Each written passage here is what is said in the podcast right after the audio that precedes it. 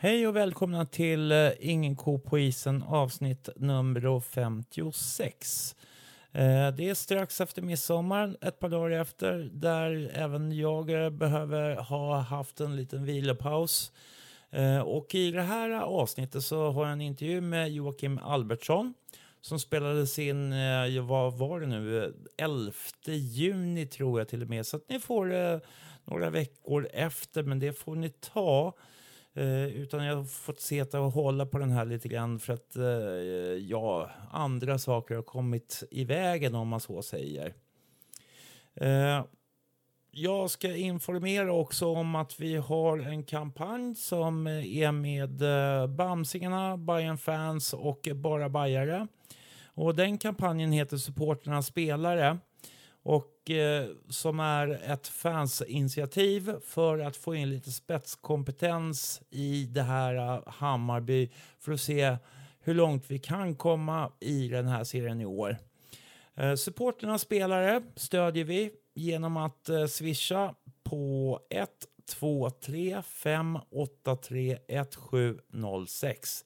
Eh, 123 583 1706. Och eh, tanken är att eh, det ska komma in 100 000 ungefär som i det beloppet då resulterar i tre stycken spelare som kommer att spetsa till det här laget lite grann under den här säsongen som sagt. Alla bidrag över 500 spänn eh, genererar ett säsongskort och eh, det kan man läsa om eh, på Bamsingarna hemsi Bamsingarnas hemsida eller så kan man gå in på Bayern Fans hemsida och läsa då om supporternas spelare. Eh, I övrigt så skulle jag vilja säga att eh, jag tar då som sagt eh, lite semester nu en månad eller någonting sånt. Det är inte så att jag rasslar fram program i någon rasande takt direkt men jag gör så gott jag kan helt enkelt och eh, det får ni ta. Printamera är förstås med oss fortfarande och eh, vi trycker väl fram den här banderollen som han så gärna vill pusha för. Och det är alltså en banderoll i PVC, 3 gånger 1 meter inklusive sex stycken noljetter som man kan eh, ha något fint på och eh, hänga ifrån balkongen. Och eh, den kostar då 695 kronor styck plus moms. Alltså 695 plus moms för att ha en lite finare prydnad att ha på balkongen.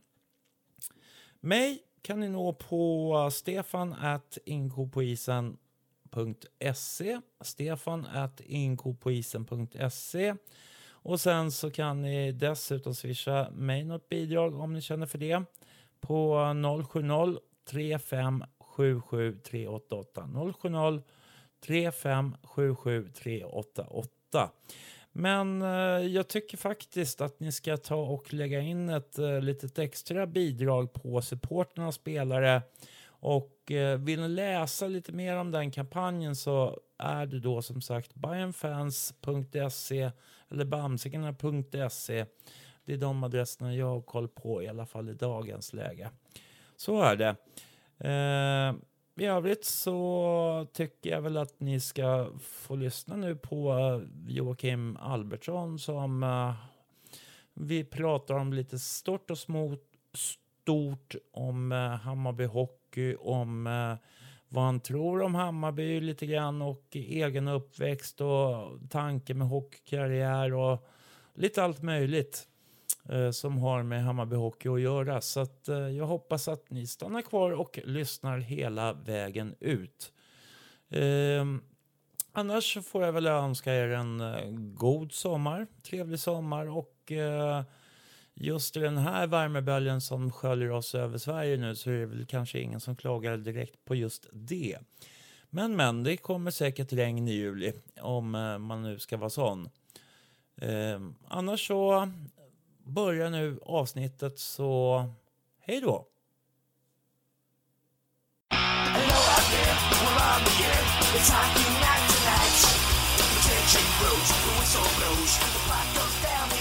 Hej och välkomna till Inko på isen och eh, nu har jag en ny gäst i form av spelaren Joakim Albertsson. Välkommen!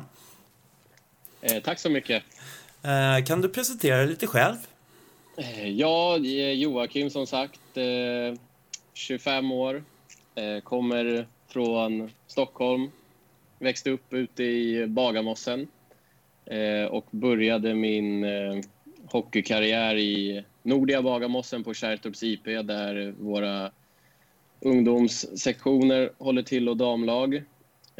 Därefter så böt jag till Trångsund när jag var 10-11 år och var där ute i fem år. Sen blev det ett år i, i Haninge i U16 och därefter så böt jag till Huddinge och spelade både J18, J20 och eh, jag tror jag fick ihop fyra, fyra hela A-lagssäsonger där. Eh, och efter det så blev det ett år i Tyresö, Hanviken, där, där jag också Eh, tråkigt nog åkte på en skada, eh, diskbrock. Eh, och sen efter det så blev det Hammarby. Har spelat i Hammarby i två år och går in på mitt tredje år nu. Eh, Ja, eh, det är hockey. Är det något annat som jag ska berätta om? Nej, jag vet inte. Det, det, det, det var, det, de flesta spelarna som, även när man håller på med hockeyettanivå så verkar det bli ganska mycket bara hockey egentligen. Hinner Ja. du med någonting annat? Eh, ja, det... Ska man säga, jag jobbar, eh, jag jobbar på, en, på en skola som ligger eh, ett stenkast från eh, Tele2. Och skolan heter Hammarbyskolan Södra. Så det passar ju ganska bra med vart jag spelar. Eh, på fritiden, förutom, förutom då när vi har egen träning, så försöker jag spela golf som de flesta hockeyspelarna gör. Går lite sådär just nu. Eh, ja, sen brukar jag försöka hänga med andra kompisar förutom de i laget. Och, ja, gillar, gillar pasta, gör jag. Eh, vad kan det vara mer som berättar då? Eh, finns nog inte mycket, så mycket roligare att berätta. Ja, men om jag fick, om jag fick eh, bestämma någon typ av träning som jag är bäst på så är det väl... Man kan tro att jag är bra uppe på gymmet men det är väl i sådana fall löpningen som är min starka sida. Det som du gillar mest att göra också, eller? Ja, alltså jag har inget... Det är många som säger att löpning är, är jobbigt att göra. Visst, det är jobbigt men eh, för mig har det alltid varit ganska enkelt att gå ut och springa och, och så vidare. Så ibland går man bara ut och springer ja, med några kilometer, åtta, åtta kilometer finns det ett varv här där jag bor. Så det brukar man springa, springa av. Mm. Hur kommer det sig att det är så pass eh, många hockeyspelare som uh, kör golfen då? Oj. Eh, det är en Tror du bra att det hänger, ho- hänger ihop med hockeyn på något sätt? I någon Ja, slags det är balans eller? Ja, det är ju att man kan ju tänka att en, det är en hockeyklubba i hockey men, och så är det en golfklubba inom golfen. Eh, Det är väl i sådana fall det, det jag kan tänka mig. Eh, Det är väl det enda jag... Jag vet faktiskt inte varför så många hockeyspelare just spelar golf. Det kunde lika väl varit tennis, men det är det ju inte. Nej. Det, det får man ju söka på. Ja. Jag, jag, har, jag har faktiskt inget svar. Jag har bara spelat golf i, i fyra år. Så jag började ganska sent med det. Mm. Eh, jag tänkte på Huddinge där. Alltså, du kom från Bagarmossen, men är det flyttar som har gjort att du har bytt klubbar då, eller? Ja, vi, ska säga, jag bodde i Bagarmossen tills jag gick i, kan det ha varit åttan på högstadiet. Men vi flyttade, flyttade från Bagarmossen till ett område som heter Årstadal. Eh, men det var ju fortfarande, då spelade jag ju kvar i Trångsund. Eh, när vi bodde här i, nej ska vi se här, nu börjar vi om här. Eh, jag, jag bodde fortfarande i Bagarmossen när jag började spela i Trångsund. Så det var ju, det var ju mest... eh, Det var ju bara att åka, åka buss 161 till Skogskyrkogården från Bagarmossen och sen från Skogskyrkogården och ta tunnelbanan till Farsta, Farsta centrum och sen buss 831 eller 828 till Trångsund. Men sen, det blev en liten omställning när vi flyttade hit. Då gick det i och för sig lite snabbare att bara ta pendeltåget från Årstaberg ut till Trångsund. Men, eh, så det har varit, för min del har det varit mycket, det har inte varit så, så mycket skjutsande. Till en viss del såklart att morsan har kört mig när jag var liten, men det var mycket trunk på, på bussar och eh, tunnelbanor här i Stockholm. Så man var inte alltför omtyckt där när man kom på med en stor trunk och tre klubbor och skulle ta massa plats. Eh, Så man fick ju anpassa sig lite på, på tunnelbanorna. Men eh, ja, jag har bara flyttat en gång och det är hit. Mm. Men du har ju huserat ganska mycket i Huddinge.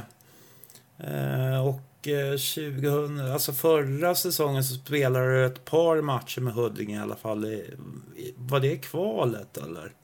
Ja, det var ju att eh, då när vi i Hammarby var i, i fortsättningsserien och vi hade, jag tror det var tre, tre matcher kvar så kunde inte vi komma på plats ett och det är de som går vidare till playoffs och vi kunde inte åka eller få kvala neråt så vi hamnade i så här, i ingenmansland och då om vi, då ringde då Mellberg till till Tommy och frågade om de var villiga att släppa en. För vi, jag hade, min säsong hade varit slut ändå. Och det var, för min del så var det ju bara kul att få fortsätta spela och då med Huddinge så som sagt så har jag varit där i x antal år så jag kände ju de flesta och eh, så då när jag kom dit så var det väl två matcher kvar i, i allettan och sen så började playoff-matcherna och då började vi mot eh, Kalmar. Vann mot dem med 2-1 i matcher om jag minns rätt. Och sen var det ju Bålänge i playoff 2 där vi också vann med 2-1. Sen blev det ju att vi fick Boden i playoff 3. Där så räckte vi inte riktigt till och åkte ut med, med 2-0 i matcher. Men det var ju ändå lite kul att få åka upp till Boden där och spela i deras eh, hall framför 3-4 tusen rätt så galna norrlänningar. Man fick det ena och det andra försökt kastat på sig när man stod i båset och de skrek eh, inte så snälla ord till en. Eh, men det var en kul, det var en kul eh, trip upp dit. Det tog ju sina timmar. Mm. Ja, det är ingen flygresa där ju inte. Nej, Eh, men du har eh, någonstans eh, blivit kvar här nu i Bayern sedan ett par år tillbaka. ja. Hur kommer det sig då? Att jag blev kvar eller att, Eller att du dit. kom till Hammarby från första början kanske man ska säga.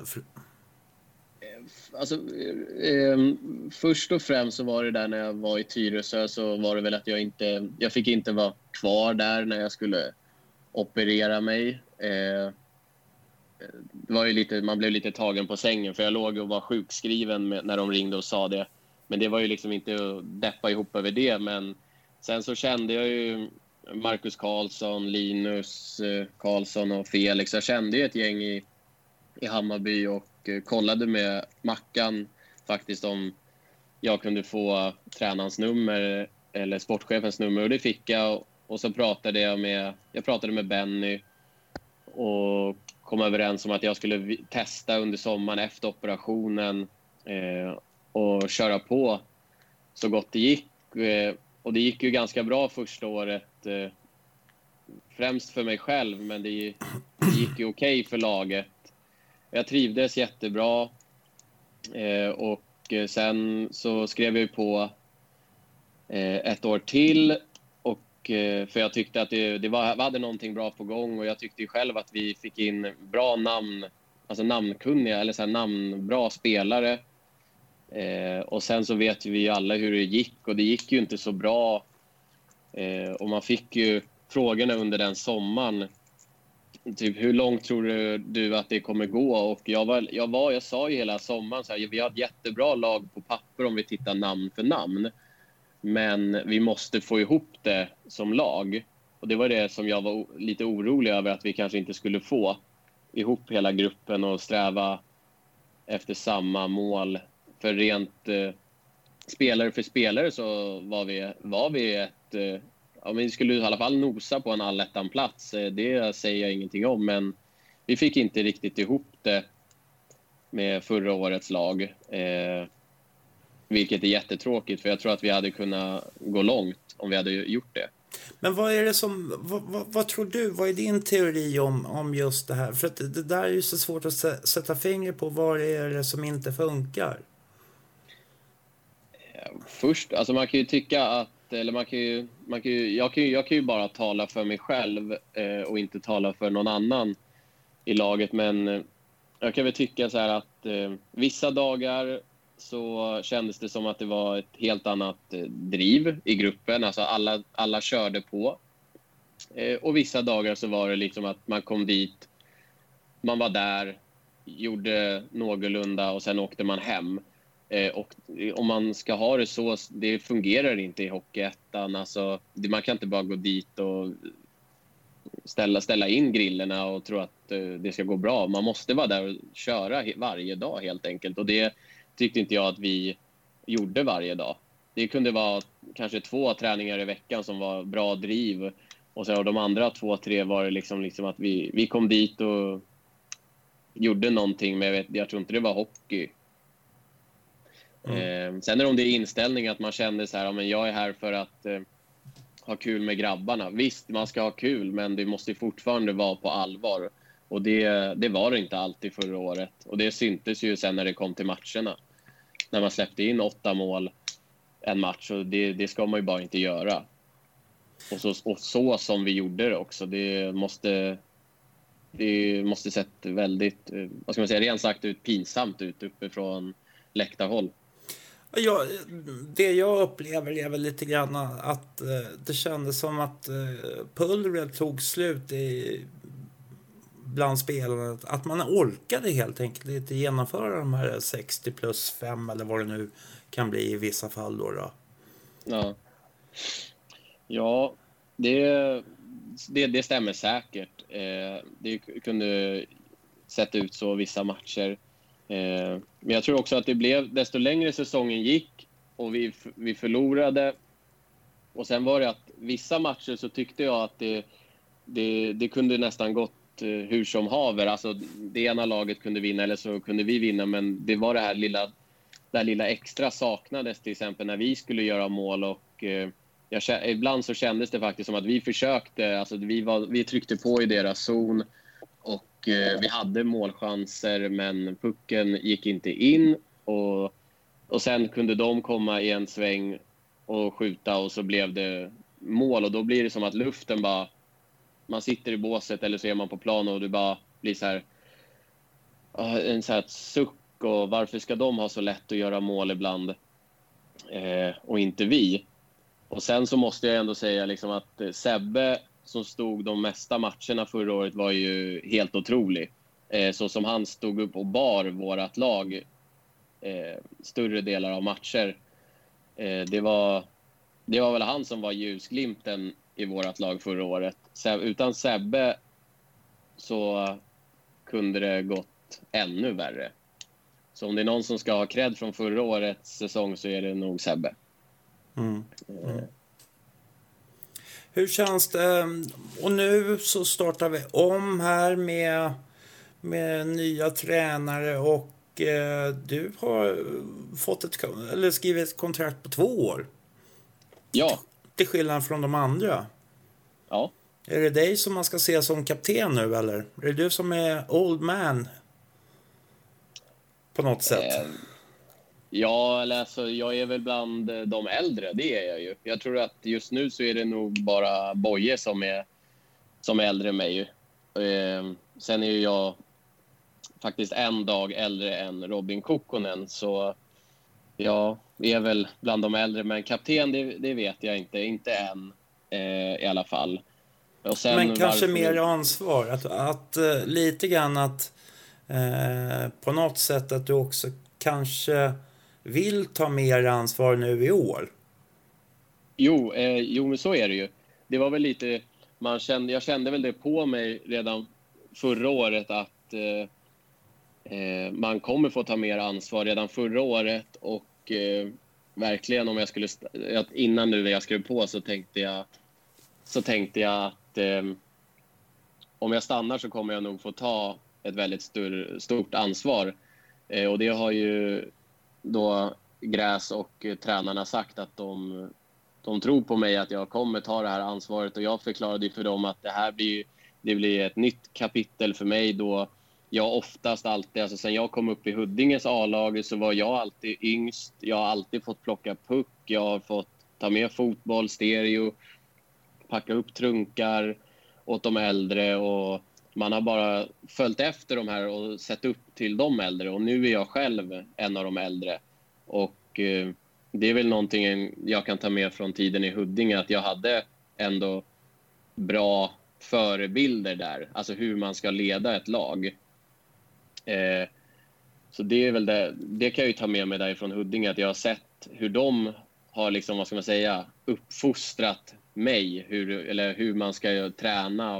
Eh, och jag, försöker väl, jag har väl försökt att ta med det nu i alla fall, nu till barmarksträningen här, att försöka visa vägen, fast jag kanske inte är starkast i alla övningar eller springer bäst, eh, men att man alltid försöker ge sitt bästa och jag hoppas att det smittar av sig på de övriga. Och, eh, för vi har, ett så, vi har ett rätt så ungt lag eh, som kommer uppifrån J20 Superelit och har inte spelat på seniornivå tidigare. Eh, så absolut, ett större ansvar det kommer jag och några fler få ta i år, till skillnad från förra året. Så det blir, en, det blir en, ny, en ny grej för oss och för mig. Mm. Eh, känner du någonstans att... Eh, hur, hur var det efter liksom, avslutningen på säsongen? Det var ju jättekonstig avslutning på säsongen. Eh, det var tänkt att ni skulle kvala och så vidare. Alltså, hela den här grejen blir ju jättekonstig. Jo, alltså kan ju... Eh, och det, vad ska man säga, där Enköpingsmatchen borta, det vill ju... Ja, nu är det ju lätt att prata om det, men det var ju ganska jobbigt. Vi hade ju ett, eh, vi hade ju ett guldläge att Eh, stänga säsongen där med, ja vad var det, tio minuter kvar. Vi fick inte släppa fyra puckar och på något sätt gjorde vi det. Så just när de gjorde mål med två, tre sekunder kvar så var det ju det var ganska tomt just då eftersom att bara fem sekunder tidigare så var säsongen klar men sen gör de mål och då blir det också det här. Det blev mycket ångest inom laget. Eh, Eh, folk blev var ju såklart förbannade och ledsna eh, och man visste riktigt inte vart man skulle ta vägen där i omklädningsrummet eh, efteråt. Alla satt väl mest tysta bara och inte visste vad man skulle säga. Jag tror inte det fanns något riktigt bra att säga från oss spelare. Det skulle ju bara blivit i aggressioner eller något sånt där. Men sen så gick det. Jag tror vi hade några dagar ledigt eh, och inte tränade. Sen när vi kom tillbaka så var det ju liksom att eh, eh, ja, men alltså vi är ju här. Vi, vi, vi försökte ju liksom inse, vi är här nu. Vi har tio matcher på oss, eller nu vad det var, att eh, fixa det här. Och, och det, vi körde ju på där på träningen och försökte få ihop det. Men det är ju ganska svårt så här, det, när säsongen har gått så pass dåligt eh, att liksom, det, det, är inte bara att trycka på en knapp eh, och så här, nu blir det bra, nu, nu kör vi på här, nu har vi tio matcher på oss. Och det kände man av lite så här i omklädningsrummet och på isen att det var folk som var nervösa över det här som komma skall. Och vi åkte ut till Järfälla tror jag det var och där, där kände väl jag liksom att man att det är en nivå, alltså det är en ganska stor nivåskillnad på vissa lag i tvåan och oss som kommer från ettan. För där, jag kommer inte ihåg riktigt vad det blev, om det blev 4-2 eller 5-2. Eh, att eh, där hade ju de ingenting att hämta mot oss. Vi körde väl över dem. De, fick ju, ja, de gjorde 1-0, men sen så slog väl vi till en växel och gick ifrån ganska lätt om man frågar mig. Jag kände väl att där kunde jag åka runt lite och göra vad man själv ville, kände jag just mot Järfälla. Sen matchen efter mot Åkers var ju inte den bästa från vår sida och de kom ju ut ganska hungriga. De hade förlorat mot Tyresö. Och eh, de var, de var ett bättre lag än vad Järfälla var. Det kunde man ju se ganska snabbt. Och vi förlorade den matchen. Då var det ju här, oj, oj, oj, nej, vad är det som händer nu? Eh, nu förlorade vi mot ett division 2-lag, kommer vi åka ur? Och vi åkte, och vi, man tänkte lite så över det. Sen kom vi till hallen, vi hann väl ha en, två träningar och sen så skulle vi ha match en söndag.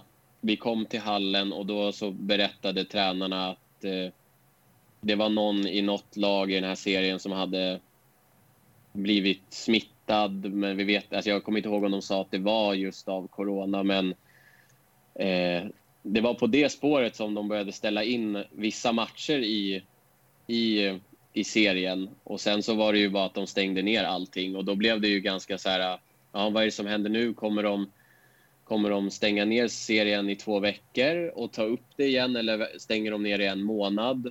Och det var då när man började tänka om de skulle stänga ner i en månad eller längre. Att hur ska vi hålla, ska vi hålla igång på isen eller ska vi ta ett break på en månad och sen börja träna igen för att ta upp det här? För jag förstod ju att vissa av de här lagen som kom från division 2 ville ha chansen att slå ut oss från ettan och ta våra platser. Eh, men det var väl att vi, vi sa ju ganska klart och tydligt eh, att vi ville ju inte spela i den här serien om det är folk som är smittade då. Vi kunde inte bara tänka på oss själva. Vi hade ju flera i laget som hade precis fått eh, barn och de ville inte utsätta sina barn för fara och eh, folk hade föräldrar som hade varit sjuka alltså i andra sjukdomar och ville inte smitta dem. Folk har ju mor och farföräldrar som, inte, som man inte ska smitta. Så vi sa ju ganska, vi sa ju till tränarna och, och sport, eh, eller, eh, sportchefen att vi vill inte, vi vill inte spela. Eh, och sen om, de, om Hockeyettan säger ni måste spela annars åker ni ur. Vi var ganska klara med att vi vill inte sätta våra nära och kära i en risk att bli smittade och det var alla enade om i laget och eh, tränarna. Så på det spåret, vi hade bestämt oss, vi tänker inte spela om det är folk i serien som är smittade. Eh, och sen så kom ju beskedet att eh, Hockeyettan läggs ner och eh, jag kan ju, det var, det, jag kan vara helt ärlig säga, det var skönt för oss det kan man inte ljuga och säga. Det var skönt för oss att säsongen blev eh, nedstängd, men man känner ju någon typ av sympati för de division 2-klubbarna som har kämpat hela säsongen för att kriga sig upp och sen så faller det på, ett mål, på målsnöret för, på grund av det här. Eh, så man får ju, man tänker ju lite på dem att de har kämpat så mycket men de får ju en ny chans i år att göra det Mm. Eh, och sen så blev det... Ben var, hade han sagt redan då att eh, han inte skulle fortsätta till den här säsongen, eller? Nej, jag hade inte hört någonting om... om, om alltså ben hade inte uttalat sig att han skulle inte fortsätta. Det hade inte jag hört någonting om, men så som man har förstått det så har ju Benny har ju ett jätte Hammarby-hjärta. Eh, men det är väl tiden utanför som inte räcker till, så som jag har förstått det. Eh, jag har ju bara känt Benny i två år, medan andra som slutade inför år har känt han mycket längre. Men det är det, det, är det jag har förstått, att det är, han har mycket utanför med, med barn. Och det tar mycket tid. Mm. Var, men han hade inte sagt någonting om att han skulle sluta, inte vad jag kommer ihåg eller har hört. Mm. Och eh, in kommer de nya tränarna med Filip, Tobias och eh, Robert då. då. Ja. Eh, hur kändes det då? Hur var det? För det, mm. vi har ju inom Hammarby under de sen, Hammarbyhockeyn de senaste åren så har vi ju haft lite grann sådär, ja men lite rundgång på kanske samma gubbar på något sätt. Och sen så nu helt plötsligt så lyckas vi Eh, knyta till oss eh, några spännande tränare så, som jag ser i alla fall. Ja, nej men just det du säger att eh, de senaste åren så har ju Hammarby gått runt på x antal tränare som man har sett. Eh, det har ju varit mycket att om man har, alltså Hammarby har en gemenskap, Hammarby, alltså att man tar tillbaka tränare för att de brinner för Hammarby, vilket är bra i sig. Eh, men jag tror att det, jag tror att det kan vara bra att man får in ett alltså helt nytt eh, blod runt om eh, eh, Hammarby. Eh, och då med Robert Gräs eh, och Algerman och Tobbe så tror jag att det är helt rätt väg att gå. Eh, med tränarna så är det ju två unga tränare eh, och de nöjer sig ju inte själva med sin e-, egen utveckling så som jag har förstått det att eh, stanna i Hockeyettan och det är ju vårt mål som spelare också att vi vill ju, vi vill ju upp, de vill upp eh, och då är det att alla driver mot samma mål vilket jag tycker är en självklarhet. Alltså det är jättebra att det är så. För då driver ju de på oss och vi kan ju driva på dem på ett helt annat sätt. För tidigare har det varit liksom att, ja men, jag, jag är här, jag är, jag är tränare i Hockeyettan, jag, jag är nöjer mig, det det är här jag vill vara. Medan de här vill ju, de vill ju uppåt. Det är så, när jag har pratat med dem så är det de, det de säger till mig, att de vill vara här i två, tre år. Om det nu är snabbare eller kortare vet jag inte, men det är det jag har hört. Och sen vill de vidare uppåt i mm. systemet, mm. precis som vi spelare vill också. Mm. Uh, har det blivit tuffare? Alltså nu har ni ju kört, nu blir det bara fysik, men uh, känns det som, känner du skillnad i det upplägget som de har eh, lagt fram mot tidigare år? Eh, ja, det skulle jag säga. Eh, det är ju två helt olika träningsformer. Eh, med, tidigare med med Stefan så har vi kört eh, en typ av träning. Det kallas ju för 3D-träning. Eh, det, det är ju en rätt så ny träningsform eh, som jag har förstått det. Eh, vilket den är, den är jättebra också.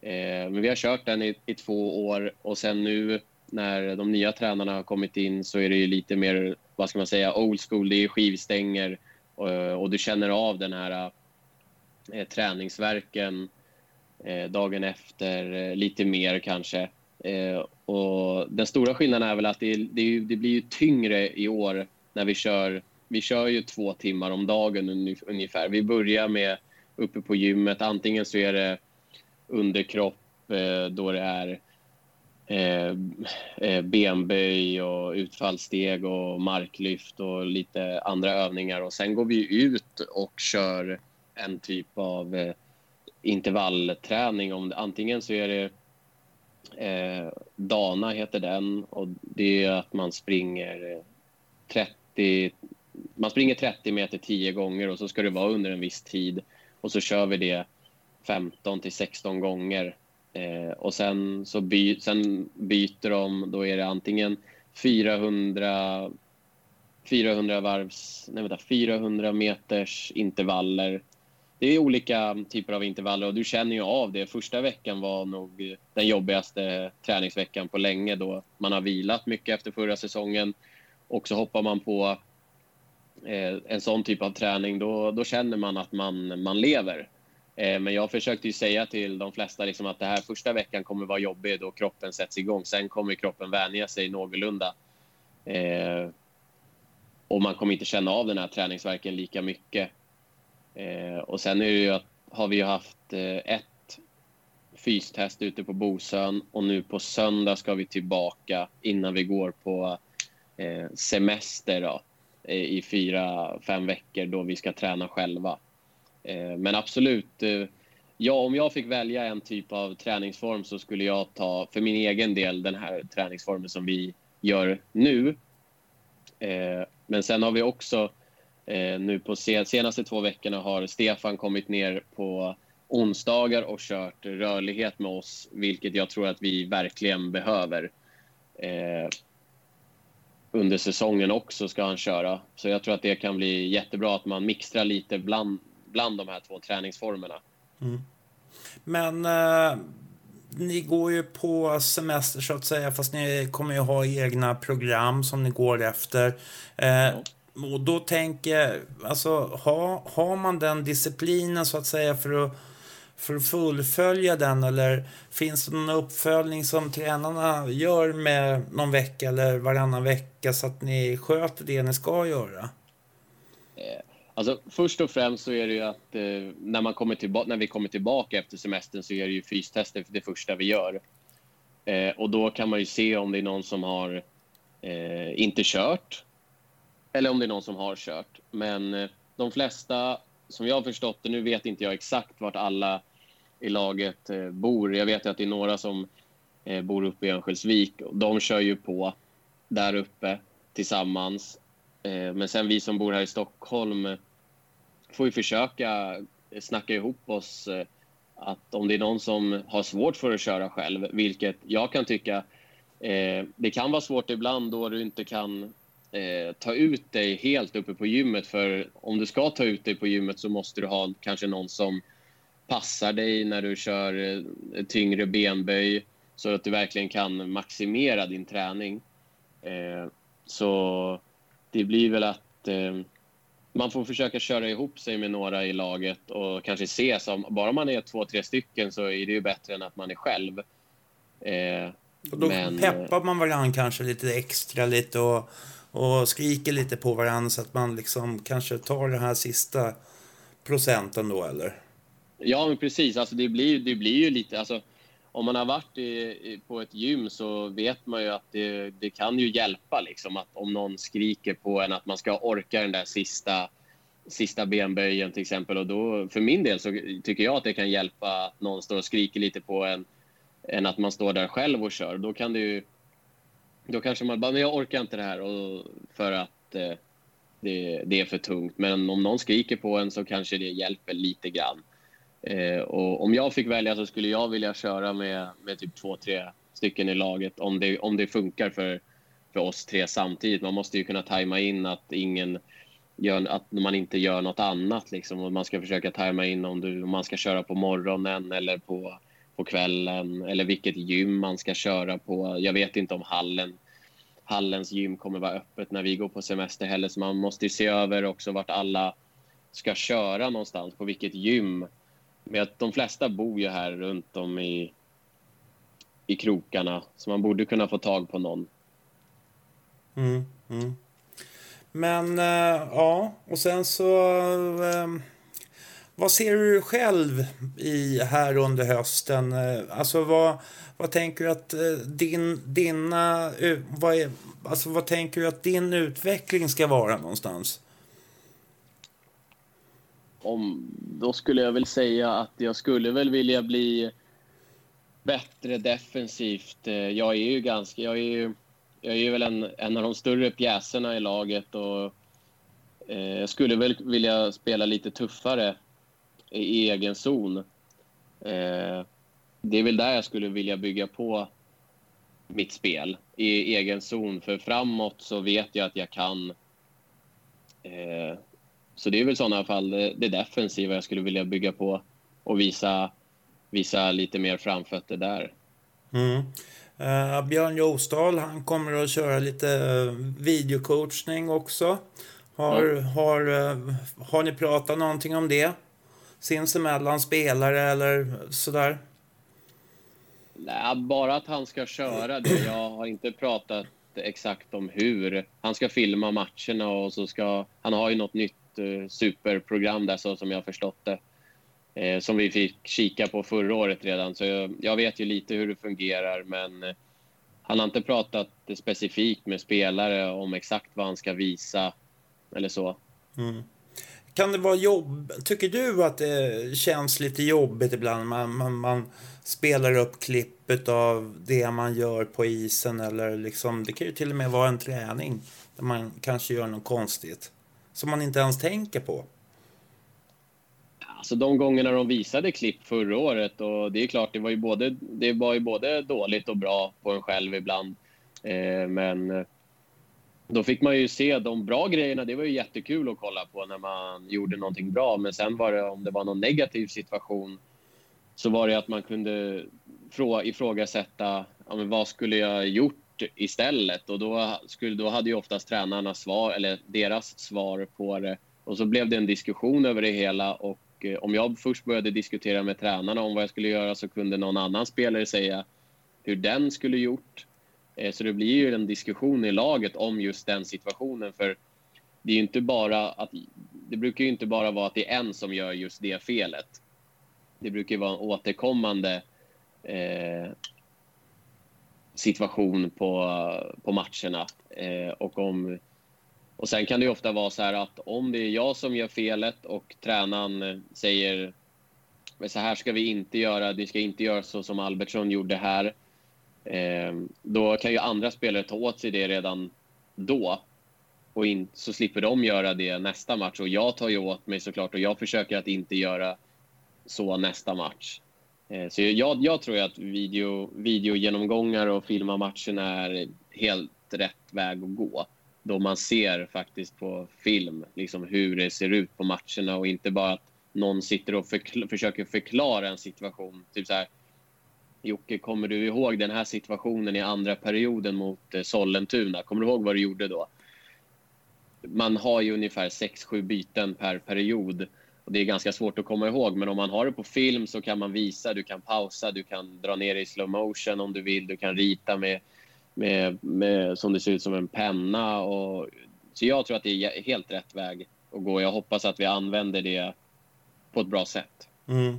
Och det handlar väl lite grann också om att kunna ta det kritik eh, konstruktivt så att säga. Ja, det gör det ju verkligen. Eh, det blir ju svårt om man bara varje gång ska... Jag kan förstå att man ifrågasätter någon gång vad tränaren menar med när de visar ett klipp, men det kan inte vara att man ska, vad ska man säga, käfta emot varje gång eh, om, om de här situationerna. Eh, jag själv har ju inget svårt med det alls. Jag förstår ju om tränaren verkligen visar vad jag gör för fel. Men sen måste ju tränaren också kunna inte bara säga Jocke, du gör fel här. De måste ju kunna säga Jocke, du gör fel här. Du skulle kunna göra så här istället och ha en lösning på problemet. För ibland så är det så att man bara säger du gör fel. Det, det här är inte bra och då måste man ju få liksom. Du måste få en lösning på det problemet. Om jag inte själv kan komma på den, då måste jag, då måste jag få höra det från någon annan. Jocke, du kunde göra så här istället eller göra si eller så. Eh, och det tror jag att de nya tränarna kommer vara väldigt bra på. Mm. Det... det... känns ju väldigt positivt i laget överhuvudtaget. Jag tycker eh, Eh, de nya spelarna som kommit in i truppen här nu. Det, det känns väldigt eh, positivt och så vidare. Det, eh, jag tror inte att jag har känt så här på det här sättet på väldigt länge faktiskt. Och ja, hur ser du själv på framåt, gå på is och så vidare? Vad tror du att ni kommer att vara i höst? Eh, det, alltså det, jag, efter förra säsongen så vet jag inte riktigt vad jag ska, om jag vågar uttala mig, men det jag kan säga är väl att eh, eh, till skillnad från tidigare år så är det ju ett yngre lag. Eh, de, de här killarna som är här och kör, de, de kör på på gymmet. Eh, nu, det är det enda jag sett på gymmet. De kör på, de vill. De vill ju vidare. De är inte här för att bara komma ner och hänga lite med polare och ha kul. De vill vidare. De är, som du säger, glada. Det är alltid ett, vad ska man säga, ett leende på läpparna fast det är de här tunga passen som vi kör. Men Eh, nu till, när vi kliver på is, det, det som jag kan säga, det är väl att det kommer vara jättehungriga unga killar som kommer jaga puck efter när jag har den. Och det kommer bli lite jobbigare för mig i år, kan jag tro på träningarna. Eh, men till seriespelet, jag vill mest få igång att vi, vi börjar bakifrån, alltså från egen zon och gör rätt rätt där först och sen börjar vi tänka framåt. Eh, det var där jag tror förra året liksom bet oss lite. Det var att lite för ivrigt fram... kanske emellanåt. Ja, vi, vi ville mer. Vi tänkte först, eh, nu ska vi göra mål. Istället för att tänka vi ska, vi ska inte släppa in något mål. Och det är det jag i alla fall vill att vi ska lägga, lägga mest tid på i början när vi kliver på is. Att vi ska börja bakifrån, hur vi ska göra för att inte släppa in mål. Och sen när vi har listat ut det, hur vi ska spela, eh, då, ska, då kan vi börja tänka framåt. För släpper vi in noll mål, då tar vi, då tar vi i alla fall poäng. Mm. Eh, men då kanske vi gör så här då att eh, vi hörs framåt augusti någonting sånt där och så kollar vi vad Alltså när ni har börjat gå på lite is och ni känner efter lite grann var ni är någonstans så kollar vi av helt enkelt hur det har gått under sommaren och allting sånt där. Vad tror du om det? Det, det låter jättebra. Ja. Så får ni ha det så himla bra så länge. Och så hoppas jag att uh, all lycka åt allihopa och uh, att ni krigar på. För ja, Bayern förstås. Ja, det ska vi göra. ja. Men då tackar jag så hemskt mycket för den här gången. Tack så, själv, Stål. Så hörs vi senare, helt enkelt. Ja. Tack ja. så mycket. Tack själv. Tack. It's hockey night tonight. The tension grows, the whistle blows, the puck goes down the ice. The goalie jumps, the players bump, the fans all go insane.